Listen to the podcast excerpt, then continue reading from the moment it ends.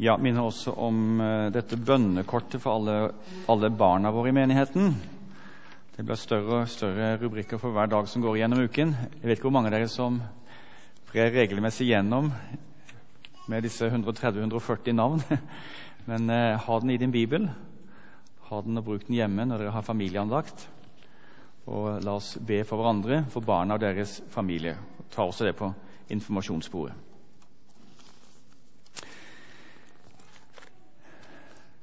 Vi eh, er midt i et av de kanskje mest krevende kapitler i hele Bibelen, Romerbrevet 7. For nye lyttere, som det heter. Vi holder på med en gjennomgang en del søndager over Paulus' hovedbrev, eh, Romerbrevet. Og Vi er kommet i dag til et veldig eh, kompakt avsnitt. Jeg skal prøve å gjøre det så forståelig som bare jeg kan. Eh, det står i 2. Peters brev. Det er åpenbart et veldig sent brev, for det står i 2. Peters brev kapittel 3, vers 16 om Paulus' skrifter.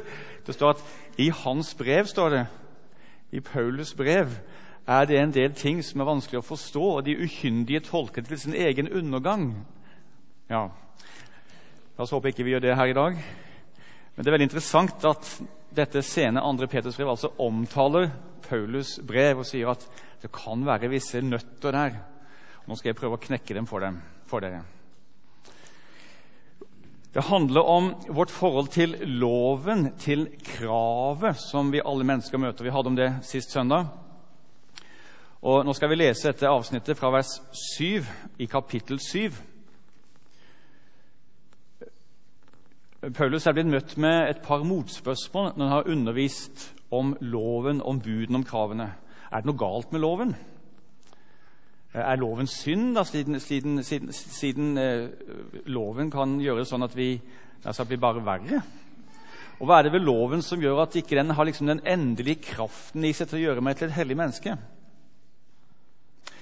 Og Da sier Paulus, Romerbrevet 7 fra vers 7.: Hva skal vi så si? Er loven synd?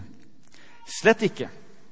Men uten loven ville jeg ikke ha visst av synden. Jeg ville ikke ha visst hva begjær er, dersom loven ikke sa 'du skal ikke begjære'. Synden benyttet seg av budet og vakte all slags begjær i meg, for uten loven er synden død. Jeg levde en gang uten lov. Da budet kom, fikk synden liv, men jeg døde. Slik viste det seg at det som skulle gi liv, førte til død for meg. For synden benyttet seg av budet og bedro og drepte meg med det. Så er da loven hellig, og budet er hellig, rett og godt. Men er da det som er godt, blitt til død for meg? Slett ikke. Det var synden som gjorde det. Den brukte det gode til å føre meg i døden, og slik skulle det bli klart hvordan synden virkelig er. Gjennom budet skulle synden bli over all måte syndig. Vi vet at loven er av Ånden, men jeg er et avmektig menneske solgt til synden. For jeg skjønner ikke hva jeg selv gjør. Det jeg vil, gjør jeg ikke, og det som jeg avskyr, det gjør jeg. Men gjør jeg det jeg ikke vil, da gir jeg loven rett i at den er god. Så er det i virkeligheten ikke jeg som gjør det, men synden som bor i meg.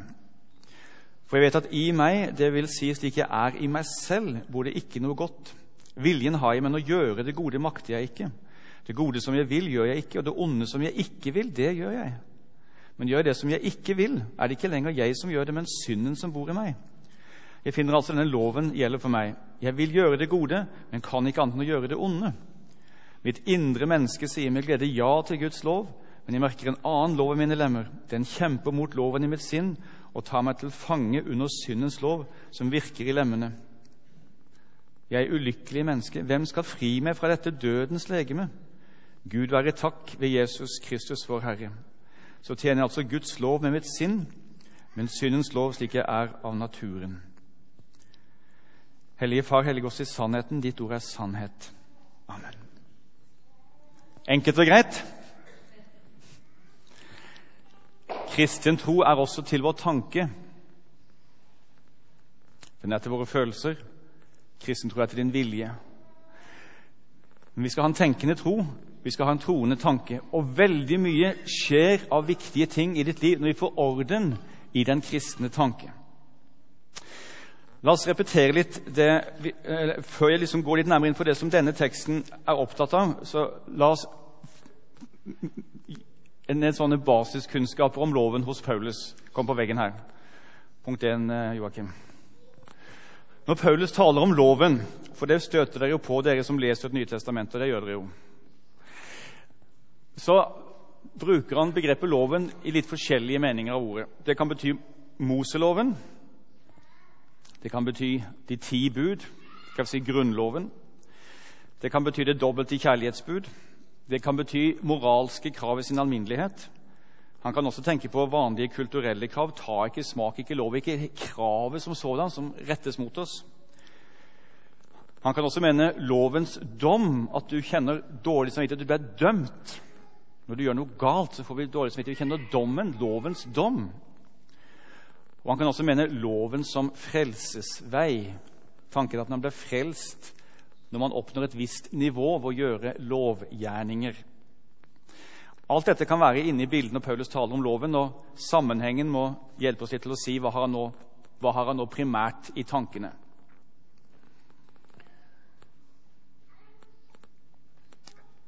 Det kristne hovedbudskap er jo at vi også er fri fra loven. Men hva betyr det? Ja, Ikke som Åge Åleskjær sier, at nå gjelder ikke budene lenger. Tro ikke på det. Men frihet fra loven, det betyr du har frihet fra Moseloven med alle disse, alle disse, forskjellige forskriftene om renhet og omskjæring og hva det måtte være. Det er du fri fra. Moseloven som jødisk lov den gjelder ikke for kristne. Du har frihet fra loven som frelsesvei, at en kan bli frelst ved å oppfylle budene til punkt og prikke. Frihet fra loven betyr også frihet fra menneskebud. og Kristendommen er full av menneskebud i forskjellige miljøene. Dere har hørt historien om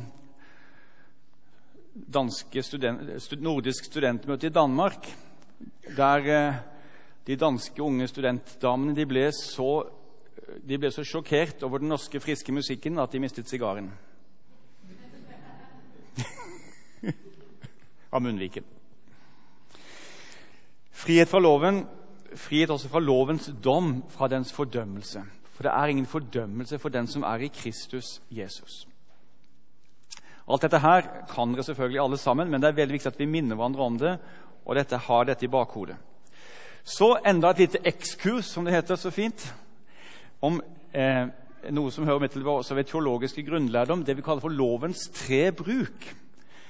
For eh, loven, budet, kravet Du skal ikke stjele, du skal ikke lyve, du skal ikke dreve hor osv. Det har jo fremdeles sin gyldighet, disse grunnleggende etiske krav. Og Da lærer vi det i eh, vår lutherske barnelærdom at loven har tre funksjoner. Vi har for det første en kaller for den sosiale, eller borgerlige eller politiske funksjon. Loven holder oss i sjakk. Når loven sier 'du skal ikke slå i hjel', du skal ikke bryte ekteskapet, ja, så setter det vern om de neste. Og det holder deg, holder deg og meg i sjakk. Og Politiet er der, og myndigheten er der for å holde oss i sjakk, slik at vi holder loven, den ytre lovoppfyllelse. Det betyr jo ikke at en som holder den loven i det ytre, er et fullkomment menneske. Man kan holde fartsgrensen, og det skal alle kristne gjøre. Men det betyr ikke at dermed er det et veldig godt menneske som sitter der i bilen. Den ytre sosiale bruk har en begrenset funksjon, men er utrolig viktig. Og Vi møter denne sosiale funksjonen hver eneste dag. Så har vi den neste funksjonen, som vi kaller for den anklagende. Den vi også kjenner i samvittighet. At loven anklager oss. Den avslører vår synd. Den dømmer. Det skal vi komme tilbake til nå i dag. Og så har vi det slik at Når du har blitt en kristen, og du har fått Guds ånd på innsiden av ditt hjerte, og du leser loven i form av formaningene i Det nye testamentet Elsk hverandre inderlig, vær barmhjertige, vær gode, tilgi hverandre, vær over med hverandre, så er, det et eller annet som sier ja, ja, ja, ja, ja, det har jeg lyst til.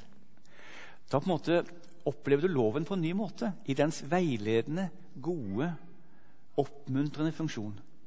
Det er den tredje skal vi si, funksjonen som loven har for oss. Da kan vi ta det av plakaten, Joakim. Hva er så fokus i Romerbrevet 7? Jo, Paulus vil svare på dette spørsmålet er, lov, er det noe galt med loven, slik at siden eh, loven også kan nær sagt terge oss, så vi kan bli litt irritert og provosert når vi møter kravet. Og Hva er det som gjør at, eh, at du Paulus, sier at loven til syvende og sist ikke kan gjøre oss rene og hellige? Hva er det for noe? For det tenkte jødene at ved loven, ved budene, ved kravene skal jeg bli et bedre og bedre menneske. Så sier Paulus nei. Dessverre. Det er ikke slik at mer opplysning, mer bud, mer formaninger vil kunne eliminere synden i din natur. Det er egentlig det humanismen tror på. At Når vi bare blir opplyst om det gode, og mennesker får lære hva som er det gode, får lære kravet, og kravet blir rett tilrettelagt, da blir vi stadig bedre. Beklager, sier Paulus. Slik er det ikke. Og så beskriver han det, forklarer han det her. Det første som vi skal slå fast Han sier at loven er hellig Budet er hellig, rett og godt. Loven er av Ånden. Og Hva tenker han da på med loven? Jo, da tenker han på loven i si, i det aller innerste, slik vi finner det i de ti bud, slik vi finner det i formaningene i Det nye testamentet. Du kan spørre deg selv som kristen hvor mye av det som står av lov og formaninger i Det gamle testamentet, skal jeg forholde meg til? akkurat så mye som er gjentatt og gitt gyldighet i Det nye testamentet. Akkurat så mye som er gjentatt og gitt gyldighet i Det nye testamentet. Så mye gjelder for den kristne. Skal vi fremdeles ikke lyve? Nei, vi skal fremdeles ikke lyve. Vi skal ikke drive hor. Vi skal hedre vår far og vår mor. Vi skal ikke begjære, vi skal ikke misunne. Vi skal gjøre vel. Ja, loven i Det nye testamentet sier endog mer. Du skal elske dine fiender. Derfor forholder vi oss til budet slik det fremstår for oss i Det nye testamentet. Og at loven er god, dere, at Guds bud er gode, det kan vi jo enkelt eh, få illustrert ved følgende tanke. Tenk om de ti bud ble holdt en dag på jord av alle mennesker. Vil da verden bli et dårligere sted? Eller vil verden bli, verden bli et bedre sted? Og hvor godt det ville være hvis ingen voldtok, hvis ingen løy, hvis ingen stjal, hvis ingen myrdet, hvis alle elsket hverandre inderlig i ekteskapet, hvis alle tilga hverandre, hvis alle hjalp hverandre. Det er jo himmelen. Det ville være det og den himmelen skal en dag komme. Så er det, et eksempel på en illustrasjon at loven, budet, er hellig, rettferdig og godt. Men så sier Paulus da budet kom, ble jeg avslørt.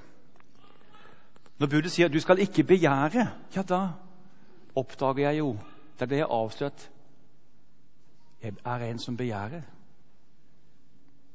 Paulus som fariseer kunne nok holde loven i det ytre. Han var veldig stolt av det at han kunne holde loven i det ytre. Men så ved Guds ånd og ved Jesu åpenbaring foran blir det tydelig at loven ikke bare gjelder det ytre, men det gjelder også ditt hjerte, ditt indre. Du skal ikke begjære. Du skal ikke misunne.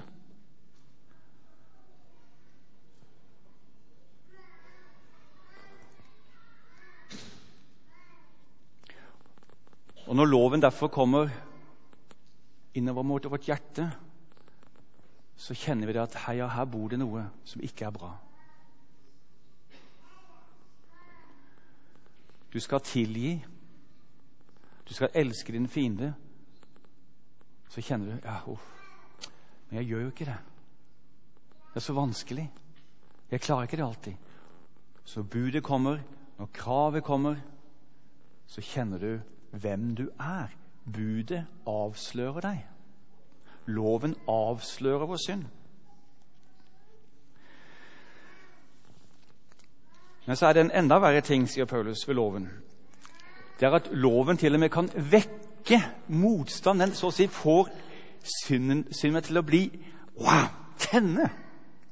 Og Det er en allmenn erfaring som vi, vi, vi, tenker på som helt naturlig, men som Paulus sier nei, det er egentlig ikke, det er egentlig ikke natur. Det er unatur. Det er synd. Vi alle opplever det. Vi blir gitt et krav til oss. Nå må du reie opp. Ja da, jeg skal reie opp. Ja, Da reier du opp før vi går. Ja, jeg skal reie opp før vi går. Og hvis det kravet rettes flere ganger til deg så, så, Nei, hvis du sier det flere ganger, så reier jeg i hvert fall ikke opp. Og jeg tåler ikke de kravene dine. Sier du det én gang til, så gjør jeg i hvert fall det motsatte.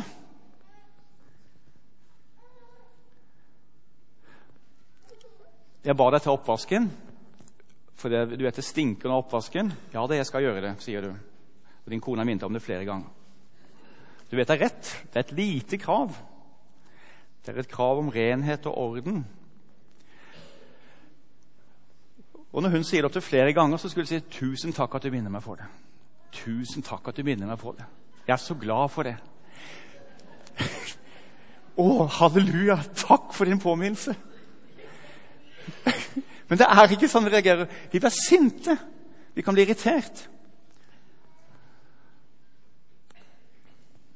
Hva er det for noe? Jo, det er et eller annet noe merkelig forhold mellom kravet og det i meg. At kravet som er aldri så rimelig, aldri så godt, så wow, så tenner jeg. Det fortelles en historie om en, en, eldre dame som hadde veldig plager med noen gutter ute i gaten. De sparket fotball på utsiden, og ofte så de sparket de ballen langt inn i hagen. Hun visste ikke hvordan hun skulle få orden på dette. her. Til slutt så satte hun opp en plakat. Det er fullt tillatt å sparke fotballer inn i min hage. Den som sparker lengst inn og ødelegger blomstene, er en helt for meg. De sluttet å sparke fotball inne i hagen. Det var liksom ikke så moro lenger. Forbuden frukt smaker best.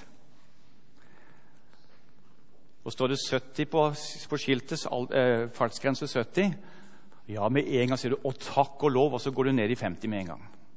Nei da, du presser den over 75-80. ikke sant? Det er et eller annet der som er i oss som vil skride over grensen. Vi trekkes mot adgang forbudt. Intet er så spennende som forbuden frukt. Hva er dette? Er det noe galt med kravet? Nei, sier Paulus. Det er bare at det avslører det innerste i din natur. Synden vekkes til live ved kravet. Og Derfor blir det slik at kravet, om det aldri så rett, aldri vil kunne gjøre et menneske fullkomment og god. Tvert imot.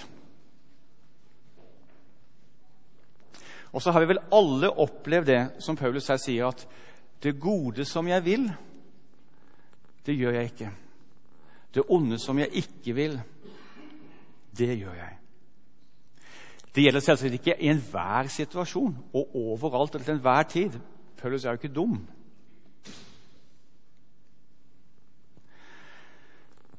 Alle mennesker kan gjøre gode gjerninger. Selv en Hitler kunne vært snill med barna. Selv en Stalin. Og Jesus sier det i bergpreken. Når dere som er onde, sier han, vet å gi barna gode gaver. Sånn er det. Dere som er onde, vet å gi barna gode gaver. Å gjøre godt i det ytre kan ethvert menneske, ethvert anstendig menneske, vet at det er galt å lyve, galt å stjele. De færreste er tyver.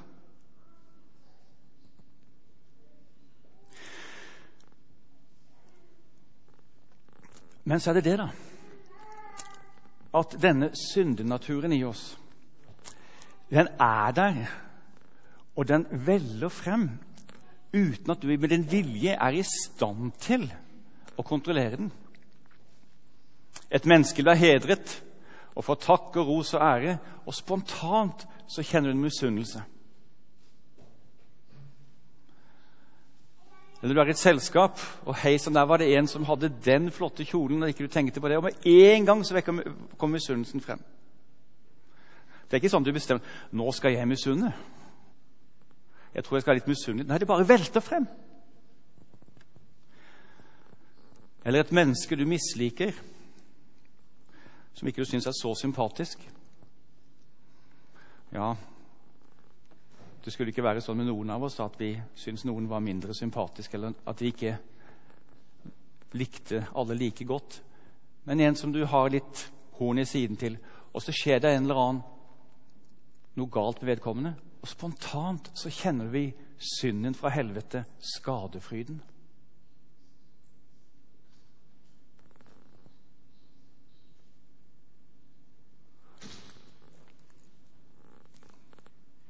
Hva er det for noe? Kan du med din vilje si 'Jeg skal aldri mer kjenne skadefryd'? Nei. Det er en synd fra avgrunnen. Det er den onde natur i oss. Og Jeg tenker av og til Når jeg leser om det lykkes så veldig godt for den og den pastoren, det lykkes så veldig godt for den menigheten, eller det lykkes dårlig tenker jeg. Ja, jeg liker det. Den pastorale sjalusi. Så er tanken der umiddelbart Vi gjør det bedre. Hva er det for noe?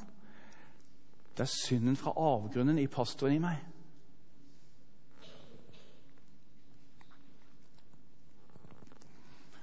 Du skal gi en beskjed til et annet menneske, og så sier vedkommende 'Jeg skjønte ikke hva du sa. Kan du gjenta det?' Umiddelbart så kjenner du en liten irritasjon. Så sier du det en gang til, og så sier vedkommende 'Jeg skjønte fremdeles ikke hva du sa.' 'Jo, skjønte du ikke hva jeg sa nå?' Umiddelbart så stiger sinnet frem. Hva er det? Det er det i oss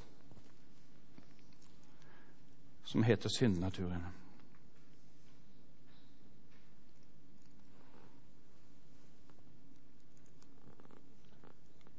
Og David så en naken kvinne på et tak, og umiddelbart så var begjæret der.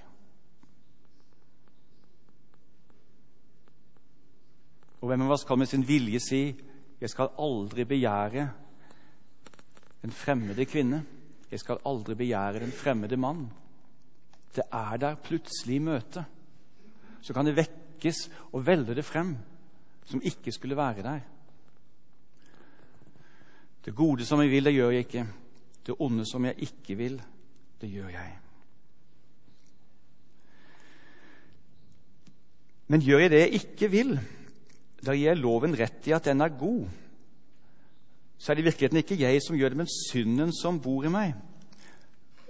For jeg vet at i meg, vil si slik jeg er i meg selv, hvor det ikke noe godt. Viljen har jeg, men å gjøre det gode makter jeg ikke. Paulus ser på oss i et ensidig perspektiv. Han ser på deg og den onde natur i deg. Dette svarte mørket. Det er som en fabrikk, det. Det er som en fabrikk som bare kan forurense. Det, det, den kan ikke annet enn å lage stinkende produkter. Misunnelse, begjær, hat, sinne, irritasjon, ergrelse.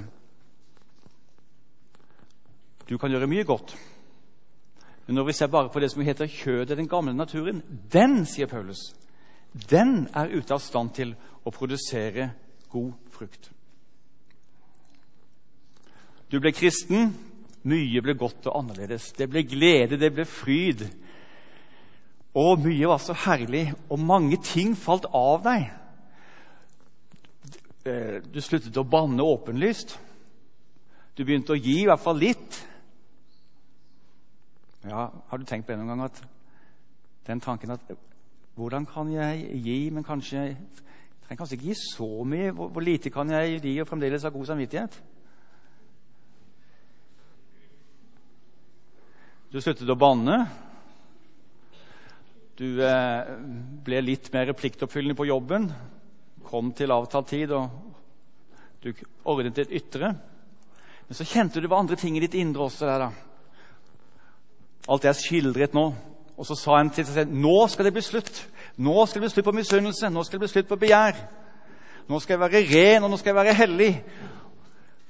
Her kommer gutten sin. Det er, mange, det er så mange hyklere i kirken og i menighetene. Det er så mye råttent. Her kommer jeg, som virkelig skal fikse det. Og du bestemmer at nå skal det bli annerledes. Nå skal jeg bli hellig og god og ren. Og så begynner du å piske deg med loven.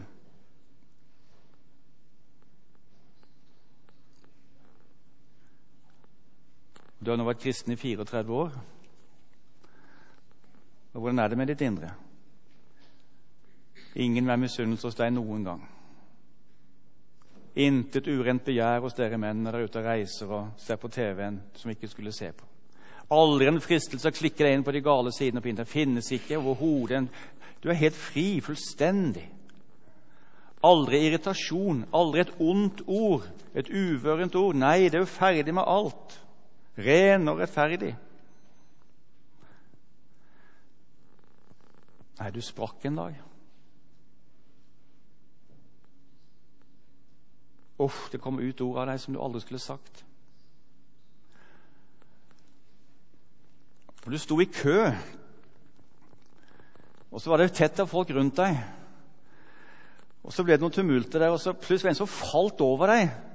For vedkommende ble dyttet. Men du ble så sint! Hvorfor ble du det? Du var jo helt uskyldig.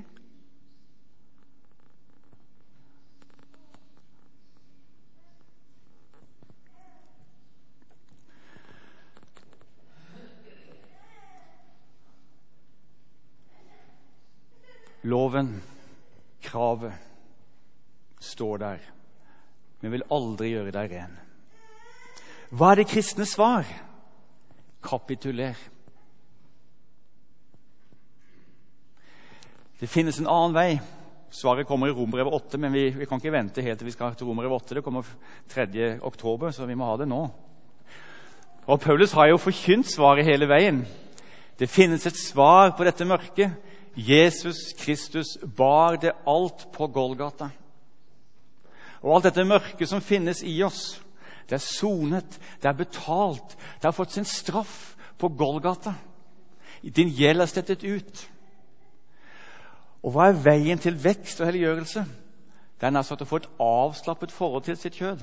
Vær ikke redd for de krefter som er i deg. Jesus vet det. Han elsker deg.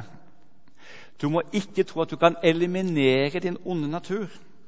Kom til meg, dere som strever av tungt å bære, og jeg vil gi dere hvile, sier Jesus.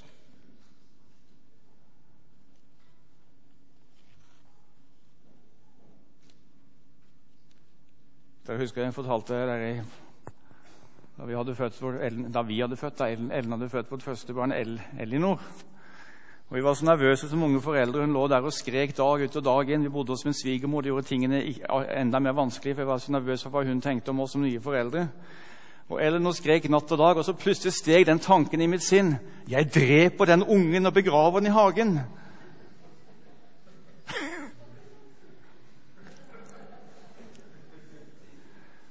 Og, mange, og mange mor er blitt forskrekket, for det var ikke morskjærlighet men nesten hat som kunne velle opp i bestemte situasjoner.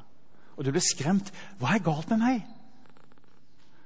Det er noe fundamentalt galt. Synden. Men vær ikke redd. Du har en frelser. Og hva har ikke da Jesus tatt på seg? Alt dette tok han på seg. Luther sier i en tale, 'Gå bort, min sønn', sier Herren, 'og bli den mest misunnelige'. Den mest begjærlige, den, den verste av alle. Gå, bli den verste, ta på deg all verdens synd. Og han suger det alt til seg. Alt suger han på sitt hellige legeme. Hellig og ren er han. Og så bærer han alt vårt møkk. Han bærer det. Og han straffer det. Gud dømmer han til døden. Og så er din skyld betalt. Din gjeld er borte. Han har slettet det ut. Vær ikke redd for din synd. Så kommer du til Jesus og forteller han alt sammen hvordan det er. Og så må du si, 'Jesus, du må hjelpe meg til å kontrollere dette.' Og hvor han elsker deg. Tenk at han vil ha deg.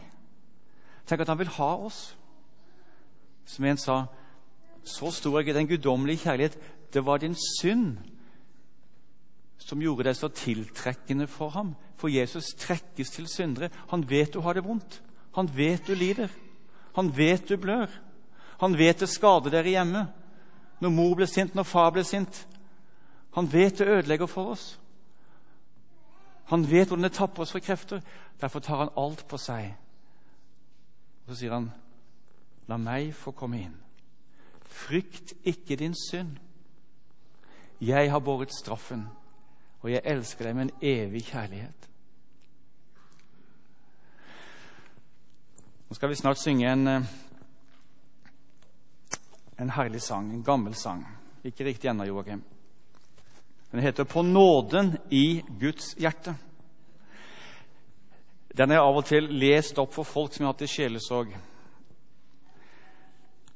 Du vet at lovsangene de gir oss sjelden ny innsikt, men de gir uttrykk for vår glede. Men de sanger og salmer som gir deg innsikt i hvem du er, de trenger vi like meget. Og så har vi et uttrykk i teologien. Vi taler om den følte nåde og den faktiske nåde.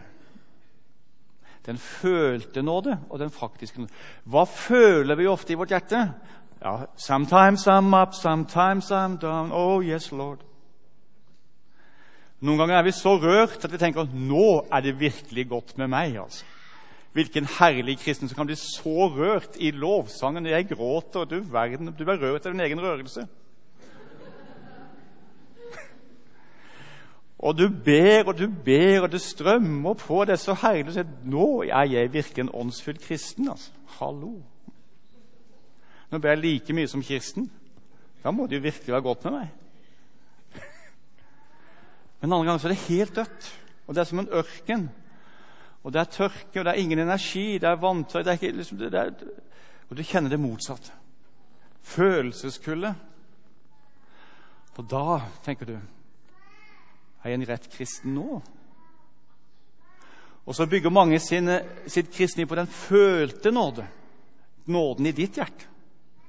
I stedet for den faktiske nåde fra Golgata kors. Et gammelt slagord sier 'Jeg så på troen', og troen svant. Jeg så på Kristus, og troen vant. Vi har en motstander, Satan. Satan betyr anklager. Og han vil stadig komme mot deg og si du er ikke rett kristen. Se hva som finnes i deg av ormer og slanger og skorpioner.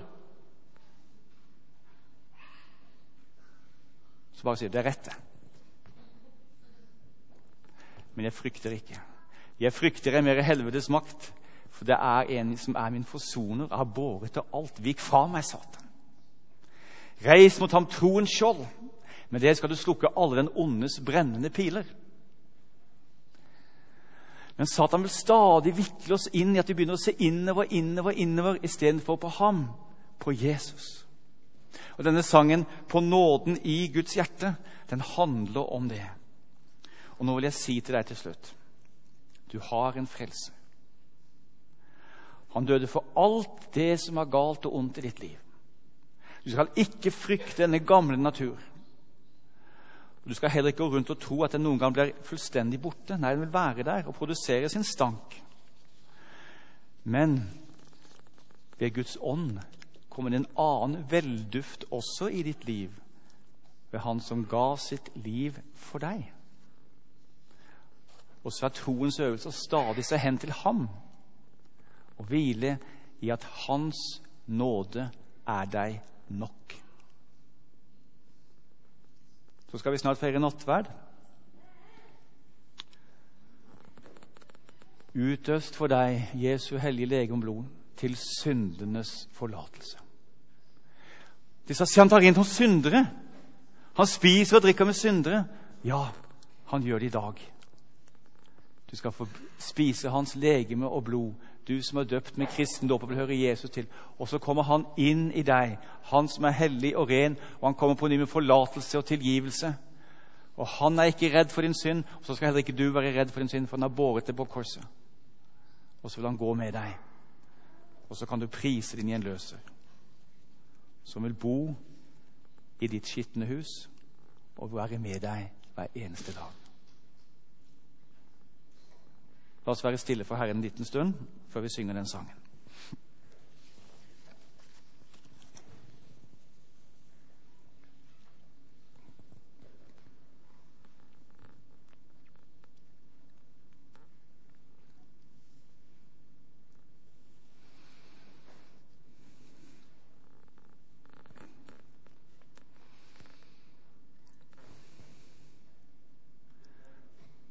Herre, må du gå iblant oss, gå nå i benkeradene, Jesus, ved din Hellige Ånd, med trøst, med din fred. Min Herre Jesus, den enkelte om din store nåde. Ja, at også der hvor synden ble stor, der ble bare nåden din enda større. Å, Jesus, Guds lam, vi priser deg for ditt fullbrakte offer. Og så vet du hvem vi er så elsker du oss, Herre, med en evig kjærlighet. Vi priser ditt navn. Takk, Herre.